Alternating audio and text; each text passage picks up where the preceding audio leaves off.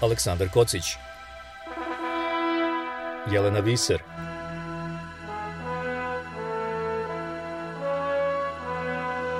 Radio Karantin. Hronika istorije u nastajanju Ovo je treći deo karantinovog mini serijala o načinu na koji naše zdravstvo može bolje da funkcioniše. Ja sam Aleksandar Kocić, a moj današnji gost je dr. Bojan Dereta, član izvršnog odbora organizacije Ujedinjeni protiv covid -a.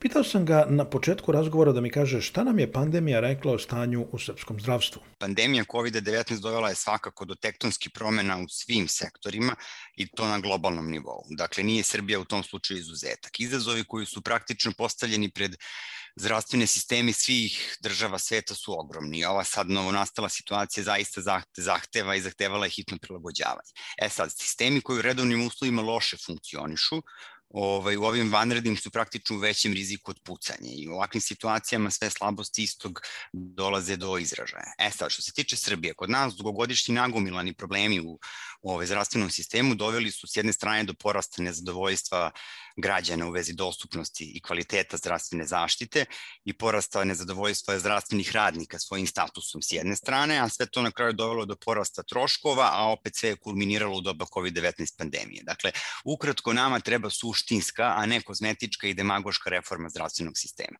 Takođe bi naglasio da ova pandemija šta nam je još rekla? Pokazala nam je da Srbija ima smatram izuzetno, izuzetne požrtvovane hrabre ljude koji su zaposleni u državnom zdravstvenom sektoru, iako je do skoro medicinska sestra recimo u šok sobi imala manju platu nego spremačica u nekom javnom preduzeću. Znači sad imaju otprilike istu. Eto, to je ono što je poražavajuće i ono što bih takođe naglasio, meni ni konkretno nije jasno zašto u borbu protiv epidemije nije uključen i privatni sektor, jer zakon o zaštiti stanovništva o zaraznih bolesti u slučaju epidemije to apsolutno predviđa. Znam da je to teško izmeriti, ali da li mislite sad, evo, nismo izašli skroz iz krize, ali vidi se svetlo na kraju tunela, da li mislite da zdravstveni sistem u Srbiji uspeo da se izbori sa pandemijom? Kako, znate kako, ja bih pre svega rekao da mislim da je to što ste rekli da je prerano pričati bilo kako je pobedi ili uspehu. Iskreno, gubici su zaista bili ogromni, kako stanovništva, tako i zdravstvenih radnika. E, ono što je činjenica, ljudi dalje umiru i volao bih da naglasim da je prosto neprihvatljivo da nam postane prihvatljivo da svaki dan neko umre od COVID. Razumete što hoću da kažem. Dakle, uprkos vakcinaciji, rad sa virusom i dalje traje. Tvrdio sam i dalje tvrdim da sistem opstaje samo zahvaljujući nadljudskim naporima i ogromnom entuzijazmu kako medicinskog, tako i nemedicinskog osoblja, dakle onih u COVID sistemu i oni koji ne rade u COVID sistemu, znači prosto ne znam se kome u ovom trenutku teže. S druge strane, zbog nekonzistentnih i oprečnih poruka koje država od početka slala građanstvu, građanstvo je prosto izgubilo poverenje u institucije, do te mere da su pojedini ljudi čak dovodili u pitanje postojanje samog virusa. Dakle, prosto rečeno, epidemija od početka vođena trajavo i nije smelo da se dogodi da se zdravstveni i političko-ekonomski interesi prepliću. Jer kad je zdravlje nacije u pitanju, kompromisa apsolutno nema. Vi ste već počeli da pričate o tome koje se lekcije mogu izvući onda iz ove krize? Znate šta, ja kažem uvek u ovakvim katastrofičnim dešavanjima prosto mora da se sluša struka. Dakle, toliko je jednostavno. Komisija za zaštitu stanovništva, zaraznih bolesti koju zakon predviđa, ona je stub sistema u ovakvim katastrofičnim situacijama i nikakvi krizni štabovi ne mogu da se mešaju kamoli da donose odluke. Dakle, nema mesta improvizaciji. Zakon u Srbiji je potpuno jasan, i u ovom smislu svaki ljudski život je podjednako dragocen i apsolutno bitniji, kažem, od svakog ovaj, ekonomskog aspekta. Šta to znači mora da se sluša struka? Jer e, na neki način mi moramo da razumemo i političare koji bi trebalo da gledaju nekakvu širu sliku od samo one e, stručne, zdravstvene. Mislim da je ta, ta tenzija između struke i politike prisutna u svim zemljama tokom ove pandemije slažem se s vama potpuno i ja apsolutno razumem znači drugu stranu, drugu stranu uslovno rečeno. Dakle, državu koja treba da vodi, vladu koja treba da vodi državu i meni je jasan, jasni su mi ekonomski elementi koji su bitni, ali apsolutno stojim iza toga da dakle ni jedan ljudski život ne može da bude iznad iznad znači bilo kog ekonomskog interesa. Ono što je problem, znači kod nas praktično nije ispoštovan zakon. Znači zakon o zaštiti stanovništva zaraznih bolesti tačno i jasno precizno predviđa šta se radi u slučaju pandemije. Kao što sam malo pre rekao, znači Republička stručna komisija je tu stožer, ona je glavna, takođe gradski i regionalni zavodi za javno zdravlje. Znači oni zajedno znači, analiziraju situaciju, prikupljaju podatke i predlažu mere koje znači, ministar zdravlja treba da sprovede. Dakle, nikakva vlada, nikakvi krizni štabovi, hoću reći, znači prosto od starta nije ispoštovan zakon. Mislim da je taj krizni štab napravljen kao jedna veštačka tvorevina kako prosto ne bi struka u potpunosti mogla da, da, da upravlja merama, nego prosto da bi se, da bi se to negde izbalansiralo, znate. Znači, mislim da je pogre, pogrešno urađeno, prosto složit ćemo se da je život ljudski, kažem, opet, ja razumem, opet kažem, razumem i ekonomiju, razumem sve, ali prosto složit ćete se, nema ni ekonomije, nema ničega ako nema ljudi, znači ako ljudi pomru. Koji je za vas bio najteži period ove krize, u profesionalnom smislu? Da, u, u principu sam početak je bio najteži, ja smo se svi susreli sa, sa nečim potpuno nepoznatim. Svako ko kaže da se u početku nije uplašio ili laže ili je lud. Znate, znači ovo je nešto što savremena medicina nije videla. Ove, ovaj, zaista, znači, evo, ja sam izgubio znači, dosta kolega, znači, ono, bliski prijatelja, prosto, kažem, ta jedna nepoznanica u samom startu je bila naj, najstrašnija. Takođe, prošle godine, znači, u junu, kad smo imali onaj drugi talas, dakle mi smo praktično jedini u Evropi u tom trenutku imali drugi talas, opet je bio znači, zbog preranog popuštanja e, mera, znači već je bila praktično pogreš, proglašena pobeda nad epidemijom i to nam se kao bumerang, bumerang vratilo u, ovaj, u julu prošle godine. U početku krize bila je trka za respiratorima i za onom uh, zaštitnom opremom pa smo posle toga imali druge neke trke, pa onda su došle vakcine i tako dalje. Kada pričamo o efikasnosti zdravstvenog sistema, šta, su, šta bi trebalo da, da, da su nam glavna merila? Jedno je bilo ukupan broj umrlih, drugo je bilo ukupan broj ljudi koji su završili u bolnici, hospitalizovani. Treće nekakvo merilo nezvanično je broj nastradalih zdravstvenih radnika koji nam nešto govori o pripremljenosti i stanju zdravstvenog sistema. Da li su tu uopšte relevantni parametri u ovako jednoj komplikovanoj situaciji? Pa u principu jesu. Ovo sve što ste nabrojali su različiti parametri koji apsolutno ovaj, se prate i koji na kraju kad se saberu i oduzmu, znači nam govore da li smo uspeli, šta smo uradili, kako smo, kako smo uradili. Ja sad iskreno ne bih, ovaj, ne bih mnogo, mnogo pričao o tome, znači da li smo, mislim, eh, kako bih vam rekao, mislim da nismo, da je to mnogo, moglo mnogo bolje da bude. Znači, prosto, znači, ako uzmemo i broj umrlih i zaraženih i, i načine koje ste vođeno, iskreno moglo je to mnogo bolje da se uradi. E, kako bih vam rekao, ovo je sad smo prošli četvrti talas je bio uh, nedavno. Dakle, iz talasa u talas, iz talasa u talas, mislim, znate šta, kad se sapletete od jednom od kamen, mislim, niste glupi da se sapletete ponovo od isti kamen. Znači, po meni, znači ništa država nije naučila znači iz prvog, drugog, trećeg, četvrtog talasa. Dakle, kažem, smatram da su samo zdravstveni radnici, znači ono pešadija ljudstvo je dovelo do toga da ne ode sve dođe. To je moje mišljenje. Kad vidite kraj ovoga? S obzirom da vakcinacija je krenula jako dobro, pa je sad izgleda zapelo kao da smo došli do vrhunca i sad je sve teže ubediti ljude da se vakcinišu, a ukupan broj vakcinisanih je još uvek relativno mali.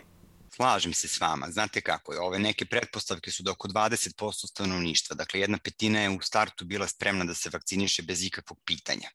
Uh, s druge strane, uh, kažu da otprilike znači, antivakcinalni lobi svega 6% ljudi čini antivak, znači 6% ljudi je, uh, su pravi antivakseri. Složit ćete se, to nije velika brojka. Dakle, ono sve što ostaje između su ljudi koji su praktično neopredeljeni. Uh, oni su praktično ciljna grupa. Njih treba znači, ubediti, razjasniti im znači, sve nedoumice, odgovoriti im na sva pitanja kako bi se, kako bi se vakcinisali. Znači, negde mislim da, ovaj, kaže, znate kako, kada, kada uh, građanstvo izgubi poverenje znači, u državu, znači, u zdravstveni sistem, kada dobijate oprečne poruke, kada jedan dan kažu jedno, drugi dan drugo, uh, kada na nacionalnim, na medijima sa nacionalnom frekvencijom, znači imate prostor znači, za ljude koji se protive vakcinaciji, znači stručnjacima govorim, dakle kolegama koji govore protiv vakcinacije, to je, mislim, kako bih vam rekao, to je nemerljiva šteta.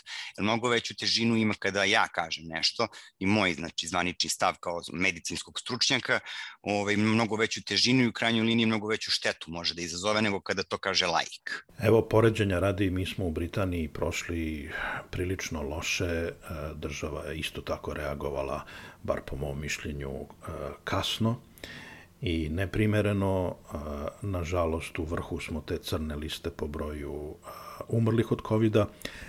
A sa utehu ili sa druge strane vakcinacija ide jako dobro i Britanija je jedan od redkih primera u Evropi gde skeptika nema puno i ono što su pokazala najnovija istraživanja to je da sama vakcinacija ima jako pozitivan efekat na skeptike i da 80% navodno skeptika koji su se tako izjasnili u januaru su se predomislili do marta zato što su videli svoje članove porodice, komšilog, prijatelje i tako dalje da su se vakcinisali i ostali živi i zdravi. Zašto se to ne dešava u Srbiji? Teško pitanje. Znači, kažem, vrlo, vrlo kompleksno. Znate šta, 20-30 godina posljednjih se, znači, sistemski urušava zdravstveni sistem. Ne samo zdravstveni, nego, znači, svi sistemi drugi i sistem vrednosti na kraju krajeva. Ove, ovaj, I ono što sam na početku rekao, kažem, zbog tog traljavog vođenja epidemije, znači, držav, e, građanstvo je potpuno izgubilo poverenje u uh, struku, u institucije, E, ne, ne znam da li me razumete. Znači, ako s jedne strane znači, imate uh, struku koja govori apsolutno imam vakcinacija je imperativ i onda se pojavi 1, 2, 3 profesora, što kaže naš profesor Delić, estradna, estradna lekara, kad se pojavi, znači tako sa nekim bombastičnim ovaj, teorijama, mislim, koje apsolutno nisu, uh, ne počivaju na medicini zasnovane na dokazima, a to je ono, znači, prosto čemu smo mi učeni, onda prosto razumete, znači, to su ljudi koji imaju, znači, ovaj integritet i koji imaju, kojima građanstvo veruje. Uh, evo, konkretno mogu da spomenem profesora Nestorovića, znači, on je zaista, smatram ja i smatra, znači, na UPK i smatra cela struka, znači, da je napravio ogromnu štetu, znači, jako veliku štetu. Ja sam prvi do pre godinu dana njemu verovao. On je izvanredan znači pedijatar, pulmolog, alergolog, ovaj, zaista sa sjajnom biografijom, ali prosto neke stvari, kako bih vam rekao, neke stvari prosto ne mogu da, on ima previše godina da bi se šalio sa takvim stvarima i da bi, da bi, da bi na taj način, kažem, ljudi mu veruju i mislim da je on jedan od osoba, čak i UPK podneo prijevu Lekarskoj komori Srbije, da se ispita prosto, znači, ovaj njegovi navodi, jer to je nešto što je nedopustivo za jednog medicinskog stručnjaka, pogotovo profesora medicinskog fakulteta. Da li mislite da su profesori i lekari kao Nestorović ili Grujičić nastupali samostalno, autonomno ili su bili angažovani, da tako kažem, pogotovo u početku kada je bilo očigledno da je cilj države bio da umanji opasnosti od virusa? Znate šta, bez obzira da li, su, da li je to rađeno ciljeno i smišljeno ili je samo njima dat prostor, potpuno je sve jedno, oni su štetu napravili, znate, znači, kažem, pre svega televizije sa nacionalnom frekvencijom, znači, koje pokrivaju, znači, ono gotovo 100% ove stanovništva, svi imaju te televizije na, na svojim televizorima, Znate, znači ne sme država da dozvoli da, ne, ne sme prosto sistem da dozvoli da znači neko da je bilo ko izađe, razumete, sad vi izađete na televiziju lupate gluposti. Mislim, prosto, razumete, možete da budete doktor pet puta, ali, ali nedopustive su takve stvari. I kažete mi, e, Bojane, sad, osim nedostatka novca koji se stalno spominje, koji još faktori muče srpsko zdravstvo? Da li su to nedostatak ljudi, da li je to loša organizacija, da li je to upliv politike, da li je to sve pomalo? Odlično mi je pitanje, ono to je nešto što je meni ovaj, vrlo blisko. Ono kaže, mene je cela ova priča, ja sam u PK ušao, kažem, iz istog razloga kao i većina od onih 3000 lekara, Ove, iako je znači, moj osnovni znači, ove oblast zanimanja upravo znači, organizacioni aspekt i to šta može da se popravi. E, pitali ste me znači, šta su problemi znači, osim nedostatka novca. Odmah ću vam reći, čak ne mislim i da je nedostatak novca u pitanju. E, podatak znači, da je budžet za Republičkog fonda za zdravstveno osiguranje za 2019. iznosio 2,5 milijarde eura, a za 2020. oko 3 milijarde eura. Dakle, e, ne treba zaboraviti da je preko 90% tog novca iz obaveznih doprinosa koje građani plaćaju. Dakle, pričamo pre svega o ogromnim novcima. Uh, s druge strane, ni jedna zemlja, bogata ili siromašna, ne može da finansira bukvalno svaku potrebu koju stanovništvo želi. Znači, današnji način života, klimatske, ekonomske, demografske i sve druge promene, ovaj, dovele su do povećanih očekivanja i potrebe pacijenata i građanja sa jedne strane, sve je to dovelo do posledičnog porasta troškova, troškova i ovaj, na kraju praktično došli smo do situaciju da je savremena zdravstvena zaštita skuplja nego ikada, a naše društvo i većina njegovih građana ipak neuporedivo siromašniji nego pre 20 godina. E, zdravstveno stanje i starostna struktura stanovništva su na među najnepovoljnijim u Evropi, a zdravstveni sistem iznad svega nije efikasan. Evo, primjera radi reći ću vam da je stopa mortaliteta 14% promila. To praktično znači broj umrlih na 1000 stanovnika, a stopa nataliteta oko 8 promila. Dakle, sve su ovo znači, brojke koje pokazuju da znači, nešto definitivno ne funkcioniše u zdravstvenom sistemu. Ove, ako smo, reto, kažem, rekli da novac nije problem negde, šta onda može da bude? Znači, s jedne strane nemamo jasnu zdravstvenu politiku. U Srbiji danas, znači, praktično nema konzistentnog zdravstvenog sistema. Dokument o zdravstvenoj politici bi trebao da sadrži, znači, jasno definisane ciljeve zdravstvenog sistema, koji su zasnovani na potrebama građanama i realnim mogućnostima za njihovo ostvarivanje. Ove, tako da je negde cilj uspostaviti znači, stabilne izvore finansiranja, obezbediti efikasnu upotrebu sredstava, uskladiti znači, obim i vrste prava sa realnim kažem, izvorima finansiranja. I kažem, e, ono što nam, šta, šta je indikativno, iako na papiru postoje različiti nacionalni programi za prevenciju, rano otkrivanje i lečenje najčešćih malignih i hroničnih nezaraznih bolesti, brojevi ipak jasno pokazuju da su ove uredbe potpuno podbacile. Dakle, vi imate na papiru praktično, zdravstvene usluge kod nas se sprovode fragmentisano i one se usmeravaju na bolesti, primjenu ob, obimne diagnostike, a ne na samog bolesnika. I to kod pacijenata izaziva osjećaj otuđenosti i nesigurnosti.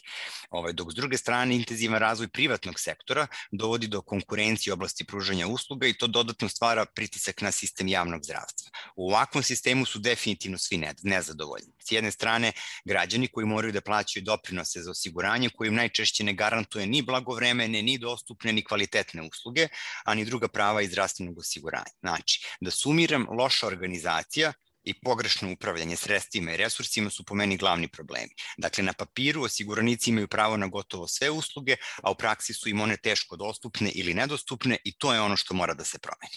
Šta to znači konkretno u praksi? Šta biste promenili? Pazite, to je izuzetno važno pitanje. S obzirom da ovo što sam rekao, već poslednjih nekoliko decenija se urušava zdravstveni sistem, zbog toga je ovo pitanje koje po meni zahteva svakako širi društveni dijalog, jer postoje pored medicinskih, ekonomski, demografski, organizacioni, pravni i drugi aspekti e, reforme. E sad, realno, postoje različiti modeli u svetu i ne treba izmišljati toplu vodu, već pažljivom analizom bi trebalo praktično uh, pažljivom analizom znači, zdravstvenih potreba primeniti i prilagoditi jedan od postojećih modela. U Srbiji je zdravstvena delatnost organizovana kao u većini evropskih zemalja i ona se pruža na primarnom, sekundarnom i tercijarnom nivou. Dokazano je da se ovakvom organizacijom postižu bolji rezultati, smanjuju se troškovi i pravilno preusmeravaju sredstva. E sad, paradoksalno je da država Srbija ima čak solidan zakon o zdravstvenoj zaštiti koji predviđa ove nivoje koje sam pomenuo, ali on je samo slovo na papiru i selektivno se primenjuje ovaj, e, i u čemu je u stvari problem. Znači, e, ja odgovorno tvrdim da izabrani porodični lekar sa multidisciplinarnim timom na primarnom nivou može da reši između 80 i 70% svih zdravstvenih potreba svih pacijenata, bez upućivanja na više nivoje, ukoliko mu se da više vremena i prosto bolja organizacija. To je suština. Znači, reforme koje su prethodnih decenije pokušane da budu urađene, ove, nisu praktično zaživeli, ali u jednom trenutku znači, nije reformisan primer. Dakle, to vam je, ne, ne zove se bez razloga, ovo je prosto primer, znate, to je onaj prvi kontakt sa zdravstvenim sistemom je znači praktično kontakt e, sa, sa, sa izabranim lekarom. E, e sad, iako zakon o zdravstvenoj zaštiti predviđa nivoje, e, u ovom slučaju kod nas primjera zdravstvena zaštita nije temelj sistema. To je pogrešno, štetno i skupo, jer je opet dokazano da ona na najjednostavniji i najracionalniji način zbrinjava većinu zdravstvenih potreba stanovništva. Dakle, ona mora predstavljati bazu piramide koja je u ovom trenutku postavljena naopako, jer se većina usluga i troškova ostvaruje na nivou dakle, skupe i rascepkane bolničke uh, službe. I još jednu stvar bih ovaj, naglasio, ovaj, dakle, uh, zdravlje građana, dakle, nije samo obaveza i odgovornost zdravstvene službe i države, već je obaveza svakog pojedinca i društva u celini. Dakle, zdrava porodica predstavlja kamen temeljac za napredak i stabilnost društva, posebno za ekonomski rast i socijalnu bezbednost i tako dalje. Dakle, prevencija kao takva kod nas ne postoji. Formalno da, ali suštinski ne. A potpuno je značajan, jasan značaj dakle, te prevencije imajući u vidu da naša država ima jezivu statistiku kad su u pitanju prevenibilne bolesti, pre svega hronične nezarazne bolesti bolesti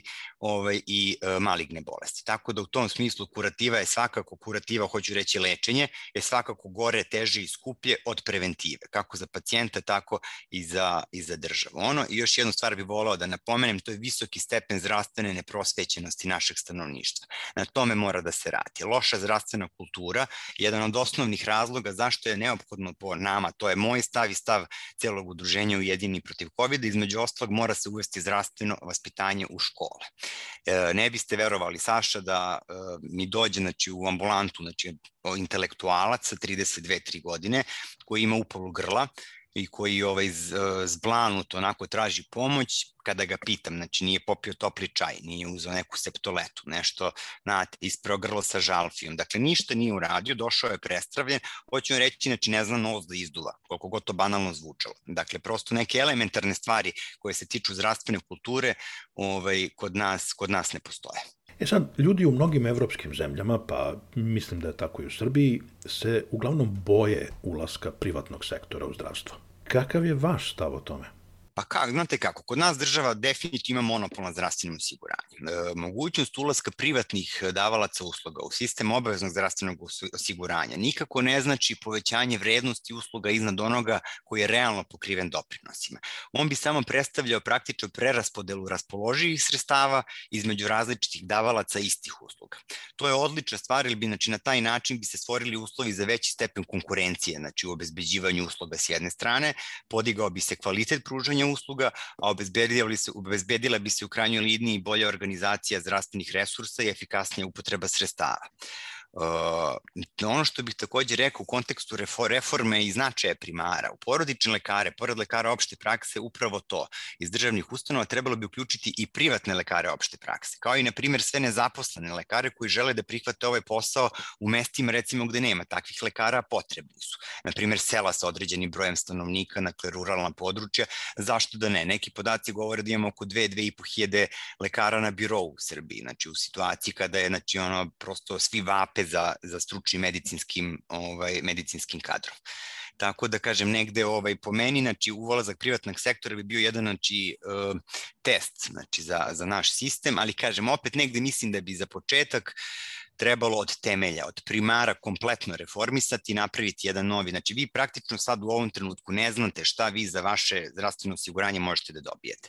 Dakle, evo konkretno vi Aleksandar, znači da živite ovde i znači da imate obavezno zdravstveno osiguranje, znači na papiru imate pravo apsolutno i na sve moguće diagnostičke i terapijske procedure, operacije, magnetne rezonancije, sve što vam treba u praksi je dakle to teško dostupno ili nedostupno. To je problem. Dakle vi ne znate znači kada vidite kolika je vaša bruto plata i kada vidite koliko dajete za doprinose, prosto to nije transparentno. Ja ne znam gde ide onih 300-400 eura koliko god mesečno od moje plate, ovaj, sad koristio, ne koristio, razumete, znači to, to ovaj, tako da kažem negde uvođenje privatnog sektora mislim da je bio ogroman test za nas i da bi prosto bila dobra stvar. Opet se ograđujem ono što sam rekao od zahteva ipak širi društveni dijalog. Mora to znači se uradi znači jedna je pre svega da se napravi jasna zdravstvena politika, znači šta nama treba, kakvo je trenutno stanje i šta mi hoćemo. Evo reći ću vam ovako, ja živim u Velikoj Britaniji gde se isto narod strašno, pošto ima inače jako, kako da kažem, jako emotivni odnos prema nacionalnoj zdravstvenoj službi,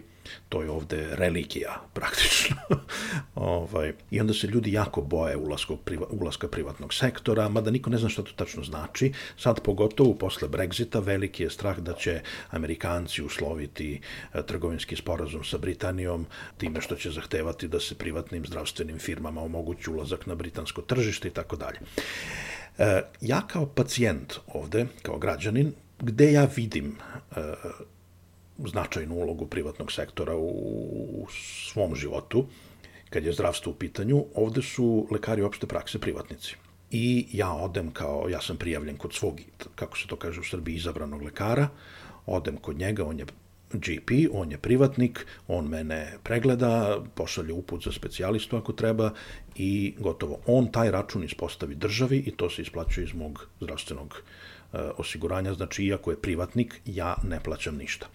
Kada odem u bolnicu, ako bolnica tog dana, pogotovo, ne znam, sezona godišnjih odmora ili je vikend, e, nema dovoljno lekara, ona će da angažuje takozvane lokume, to su opet privatnici, koji su angažovani da rade na sat ovaj, njih pošalja agencija kod koje su oni prijavljeni i tako dalje. Ovde čak imate malo absurdnu situaciju da a, jako puno a, privatnih lekara, odnosno lekara koji rade u privatnom sektoru, oni tezgare za državu jer tako zarađuju mnogo više kod privatnika, su uglavnom plaćeni manje, pogotovo stomatolozi, i onda preko vikenda odu i rade u državnim ovaj, institucijama i tu onda a, povećaju sebi prihod. I to je otprilike ono što ja kao pacijent, kao građanin vidim. Sad, kakva je uloga privatnog sektora u nabavci opreme, u diagnostici i tako dalje, ja to ne znam. To su stvari koje mi građani, ja mislim, ne vidimo tako lako. Da li je to jedan od, od ne znam, formula koje bi mogle da se primene u Srbiji? Znači mora da postoji politička volja. Dakle, znači to je, to je ono što kažem, e, mi smo 2018. dobili znači, novi zakon o zdravstvenoj zaštiti i zdravstvenom osiguranju. On je tad u tom trenutku pompezno najavljivan kao da će da napravi neku bog zna kakvu reformu, suštinski ništa nije, ništa nije urađeno. Dakle, to je bilo samo koz, kozmetske znači, stvari, ovaj, iskreno, znači, ali opet kažem, e, naš e, zakon o zdravstvenoj zaštiti zaista predviđa nivoje i lekar, ja kao izabrani lekar, GP, treba bi, ne treba bih, nego i zakon predviđa da ja zaista mogu mnogo toga da uradim. Međutim, u praksi meni su ruke vezane, znate, ja odradim recimo, evo banalan primjer, čovek sa dispepsijom, sa mučninom, znači odradite u domu zdravlja, znači nakon anamneze, pregleda, dodatne diagnostike, kompletna laboratorija, ultrazvuk stomaka, uradimo test na helikobakter pylori, koji je bakterija koja je uzrok uzrok problema sa želucem. Ako je sve to u redu, ja čoveku znači, dam da pije znači, neki od lekova koji smanjuju lučenje kiseline. Nakon toga, ako njemu nije bolje, sledeći korak je gornja endoskopija, odnosno gastroskopija. To radi gastroenterolog. E, paradoksalno je da ja, iako znam da to treba da se uradi, znači procedura je takva da ja prvo moram pacijenta, znači da nađem termin, da mu zakažem pregled kod gastroenterologa, koji će umesto da se bavi usko specijalističkim stvarima, svaka ta dispepsija i poremeće varenja završi kod njega i on će na kraju opet da indikuje tu gornju endoskopiju koju sam mogu i ja da indikujem i na taj način da praktično skratimo ceo taj put, da olakšamo i meni, da olakšamo pacijentu pre svega i kolegi koji, kažem, treba da se bavi usko specijalističkim stvarima. Eto, to je jedan primjer kako, kako sistem ne funkcioniše, prosto administrativni problemi. To znači da biste vi voleli da više od toga bude dostupno vama? Upravo to, znate, ili imate recimo muškarca sa 65 godina, znači tad se očekuju već problemi sa prostatom. Znači, e, on ima znači, simptome uvećane prostate, tipične simptome.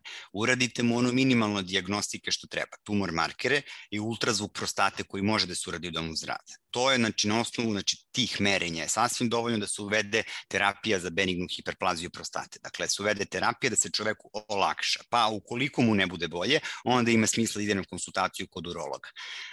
Razumete, a ovde prosto napravljeno tako da ja prosto taj lek, iako znam da je benigna hiperplazija prostate, ne mogu dati. Znači, ono dok njega ne pogleda urolog. A doći do urologa ili bilo kog specijaliste je prosto pakao, znate. Kažete mi na kraju, Bojane, uh, ako mislim, Srbija nije bogata zemlja, ali kažete da su organizacioni problemi možda i krupniji od finansijskih. Zašto se masovno u Srbiji deca leče SMS porukama? Aleksandre, svi imate teška pitanja, ali, ali prava pitanja. Ovo, znate šta jeste teško i kompleksno pitanje. Slušajte, mislim da je popularnost te teme kod nas ogledalo praktično našeg sistema i e, poverenja u isti. U razorenom društvu i zdravstvu nije moguće uspostaviti vrednostni sistem u kojem bi bilo koja komisija koja donosi tako teške odluke imala poverenje građana. To je problem. U tako razorenom društvu građani neretko kupuju mir time što SMS-om uplaćuju novac za lečenje dece koje neretko boluju od neizlečije bolesti. Dakle, isti ti građani neretko ne smeju da urade ništa u svojoj mikrosredini, već ćute i gledaju pod, a te SMS akcije su im neka vrsta ventila. Nije mi namera da zvučim grubo ili da bilo koga uvredim, nemojte pogrešno da me shvatite, ali prosto mislim da je tako, dakle ja sam prvi koji šalje te poruke.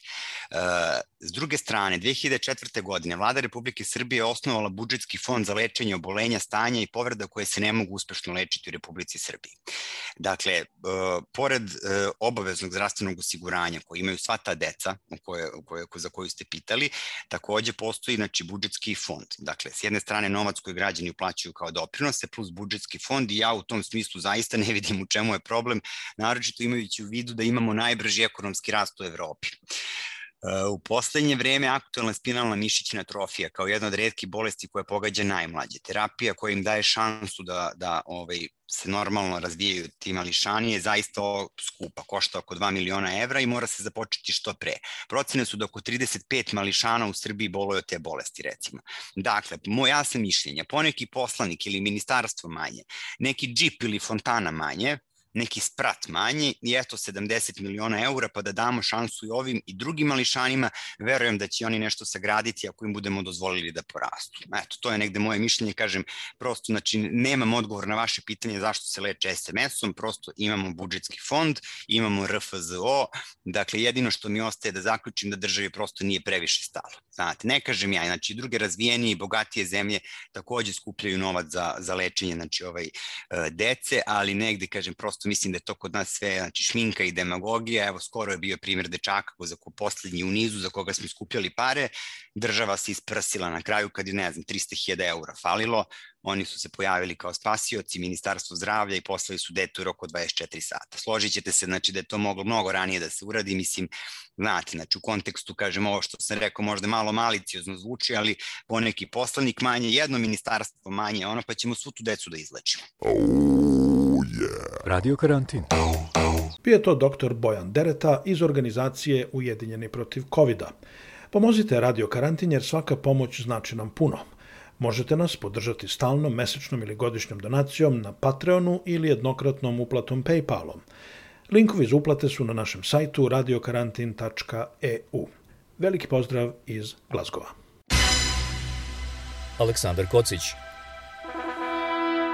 Jelena Viser